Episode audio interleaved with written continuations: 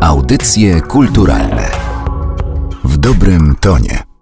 Na kolekcję książąt czartoryskich składają się dzieła sztuki i pamiątki, które przypominają o dawnych dziejach Polski. To ćwierć miliona obiektów bibliotecznych i ponad 80 tysięcy muzealnych, w tym światowej klasy malarstwo europejskie, zabytki europejskiego i islamskiego rzemiosła artystycznego oraz militaria. Część tego niezwykłego zbioru prezentuje wystawa Czartoryscy Historia Kolekcji, którą od 7 grudnia można oglądać w Galerii Kordegarda w Warszawie. Jest to wielki zaszczyt dla mnie, że w murach Kordegardy gościmy tak wyjątkowe zbiory. Dyrektor Narodowego Centrum Kultury profesor Rafał Wiśniewski. 1801 rok, początek kolekcji, 1870, kiedy kolekcja zawitała w Krakowie.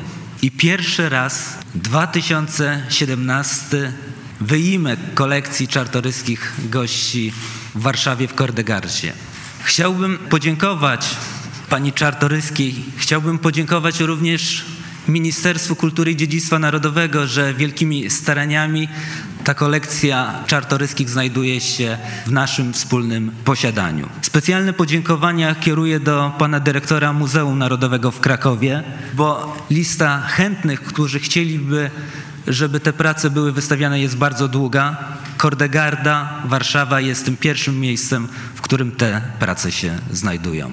Chciałam Państwa bardzo serdecznie powitać w imieniu Pana Premiera, Pana Profesora Piotra Glińskiego, Ministra Kultury i Dziedzictwa Narodowego, który dzisiaj nie mógł tutaj w tej chwili być, ale jestem absolutnie przekonana, że jest to dla niego wydarzenie wyjątkowe. Paulina Florianowicz, Ministerstwo Kultury i Dziedzictwa Narodowego. Dokładnie rok temu była równie niesympatyczna, odpychająca i zimna pogoda na zewnątrz, natomiast e, telefony między Warszawą a Krakowem zaczynały się powoli rozgrzewać i w niezwykle emocjonującej atmosferze mieliśmy wrażenie, że dokonujemy czegoś wielkiego, co zostało uwieńczone 29 grudnia zakupem kolekcji książąt czartoryskich dla narodu polskiego, dla państwa polskiego. My na co dzień mamy taką pracę i takie ogromne szczęście i przywilej, że obcujemy z przedmiotami pięknymi, z przedmiotami, które opowiadają naszą historię, ale rzadko kiedy, a właściwie tylko w tym wypadku, z tak niesamowitą kolekcją. Nie tylko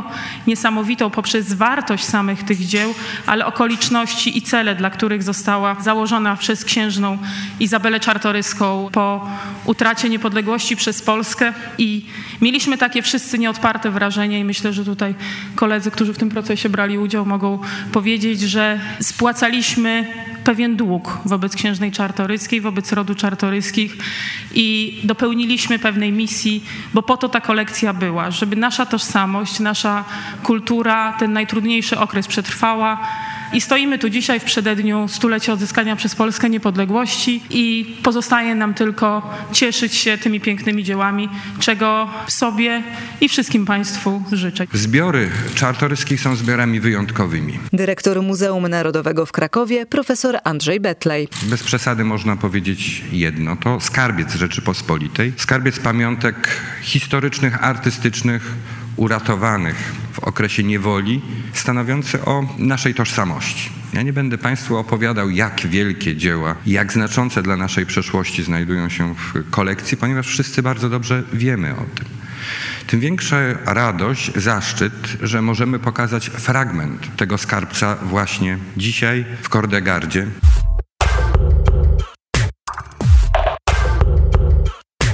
Kolekcja książąt czartoryskich, jak zapewne większość Polaków zdaje sobie z tego sprawę, jest kolekcją przeogromną, przebogatą, niezwykle różnorodną. Paulina Hełmecka, kurator pokazu Czartoryscy Historia kolekcji. I wybrać coś z tego szeregu wspaniałych zabytków jest zadaniem bardzo trudnym i trzeba się nad tym rzeczywiście bardzo poważnie zastanowić, co w tak maleńkiej przestrzeni można wyeksponować, aby w jakiś sposób przybliżało i też charakteryzowało ten zbiór. Cała koncepcja tego niewielkiego pokazu skupiła się przede wszystkim na założycielach i na twórcach tej kolekcji. Księżna Izabela Czartoryska jako założycielka Muzeum w Puławach, jej małżonek książę Adam Kazimierz Czartoryski oraz kontynuator ich wspaniałego dzieła, ich wnuk książę Władysław Czartoryski, którego koncepcja była już nieco odmienna od tej, którą prezentowali, a zwłaszcza prezentowała jego babka księżna Izabela Czartoryska. Wizja i idea księżnej Izabeli Czartoryskiej skupiała się przede wszystkim na takich wartościach, wątkach patriotycznych. Był to trudny okres dla Polski, okres trakcie trzech rozbiorów, kiedy Polska przestaje istnieć i właśnie, aby powstrzymać ten upadek, tą tragedię Polski, przynajmniej w świadomości Polaków, księżna Izabela Czartoryska postanawia, właściwie w niej dojrzewa u syłku wieku XVIII, taki pomysł, by stworzyć takie miejsce, które będzie przypominało Polakom o ich dawnej świetności, o historii, o dziejach państwa polskiego, będzie przybliżało również sylwetki wielkich Polaków, po to, by stanowić pewien rodzaj inspiracji i takiej zachęty do walki o odzyskanie niepodległości Natomiast e, książę Władysław Czartoryski, wnuk księżnej Izabeli Czartoryskiej, działa już w nieco inny sposób. Wyswabadza się, można powiedzieć, z tej konwencji romantyczno-sentymentalnej jego babki i podąża już duchem, wzorem kolekcjonerów zachodnioeuropejskich. Książę Władysław Czartoryski większą część swojego życia spędził poza terenami Polski, na emigracji w państwach Europy Zachodniej, gdzie przyglądał się sposobom kolekcjonowania, powstawaniu tych wielkich prywatnych kolekcji, co stanowiło dla niego rzeczywiście wielką inspirację książę Władysław Czartoryski nabywa grupy przedmiotów, które są ze sobą powiązane przede wszystkim aspektem historyczno-artystycznym. To już jest taki kolekcjoner, który działa w nieco innej konwencji, właściwie można powiedzieć takiej już zbliżającej go do konwencji muzealniczej. Ta koncepcja głównej części ekspozycji z prezentacją założycieli i kontynuatora, czyli księcia Władysława Czartoryskiego, stanowi taką oś kompozycyjną. Jedną część tej ekspozycji stanowi prezentacja zbiorów puławskich księżnej Izabeli Czartoryskiej z pewnym elementem również kolekcji bibliotecznej księcia Adama Kazimierza Czartoryskiego. Natomiast druga część ekspozycji stanowi prezentację kolekcji księcia Władysława Czartoryskiego. W grupie zabytków, a właściwie pamiątek, które gromadziła księżna Izabela Czartoryska, możemy zobaczyć m.in. niewielki sarkofag marmurowy, w którym księżna Izabela Czartoryska umieściła relikwie pierwszej głowy koronowanej Polski, króla Bolesława Chrobrego. Relikwie, które zostały pozyskane w dość zaskakujący dla współczesnego odbiorcy, współczesnego widza sposób, mianowicie zostały wyjęte przez współpracownika, bliskiego współpracownika księżnej Izabeli Czartoryskiej Tadeusza Czackiego z grobu królewskiego w katedrze w Poznaniu.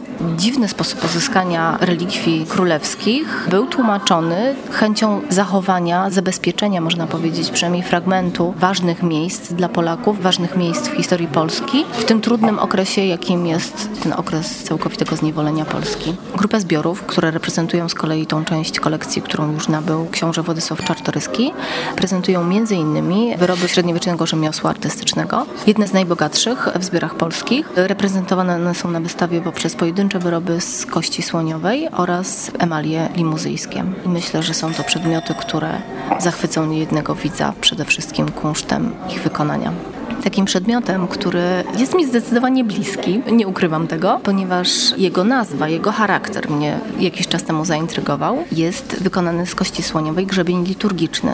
Grzebień wykonany z kości słoniowej, ozdobiony płaskorzeźbioną dekoracją o tematyce religijnej. To są sceny zaczerpnięte z Pisma Świętego. Dotyczą one stworzenia człowieka w okresie średniowiecza, właściwie do schyłku średniowiecza. Tego typu przedmioty były stosowane przez duchownych w trakcie przygotowywania się do liturgii. Poza tym aspektem, bym powiedziała, takim czysto fizycznym, czysto formalnym, miały one również pewien aspekt symboliczny. Porządkowanie włosów miało symbolizować równocześnie uporządkowanie myśli, przygotowanie się również duchowe do sprawowania liturgii. Większość z tych przedmiotów, ze względów przede wszystkim konserwatorskich, nie może być zbyt długo eksponowana, ze względu na niesamowitą delikatność i wrażliwość materiałów. Warto wykorzystać okazję i obejrzeć niektóre z tych arcydzieł, zwłaszcza arcydzieł dawnych, które zostały tutaj zaprezentowane. Nie przypominam sobie, żeby w każdym razie w ostatnich latach była taka wystawa. Owszem, była kiedyś Warszawy odwiedzała dama z gronostajem, Stanisław Czartoryski. Ale ta wystawa to jest rzeczywiście świetny pomysł i świetnie zrealizowany. Przede wszystkim dlatego, że zbiory Czartoryskich są w Krakowie. Po drugie, muzeum jest w remoncie od wielu lat i jeszcze będzie przez następnych pewno dobrych parę miesięcy. Także w Krakowie jest tylko niewielka wystawa precjozów. Natomiast e, w Warszawie te zbiory nie były prezentowane, więc e, wydaje mi się, że to jest bardzo ważne, żeby mieszkańcy Warszawy mieli możliwość zobaczenia chociaż małego fragmentu tych zbiorów, bo tutaj są wybrane rzeczywiście bardzo piękne rzeczy, no ale w bardzo niewielkiej ilości, więc e, będzie trzeba i tak się wybrać do Krakowa, żeby to wszystko obejrzeć. To po prostu taka przystawka do wizyty wizyty, kiedy już muzeum będzie wyremontowane. No, można tak powiedzieć. Rzeczywiście, że to jest tak na zachętę, tak, ale myślę, że naprawdę warto pojechać do Krakowa i obejrzeć te zbiory, bo są, no to jest no, wspaniała kolekcja i ona jest tak różnorodna, że tam właściwie każdy może znaleźć coś dla siebie rzeczywiście bardzo interesującego. No oczywiście Dama z Gronostajem, oczywiście Rembrandt, ale y, mnie zawsze najbardziej jakoś interesują i największą mi radość sprawiają wyroby y, rzemiosła artystycznego które są fantastyczne i rzeczywiście na skalę europejską, no na przykład te emalie z Limoges, no to jest kolekcja zupełnie unikalna. Naprawdę, że tak dużej kolekcji nie wiem, czy jest gdzieś w Europie, ale mnóstwo innych właśnie tych wyrobów rzemieślniczych są na najwyższym poziomie i to jest bardzo interesujące i tego chyba w innych muzeach nie ma po prostu.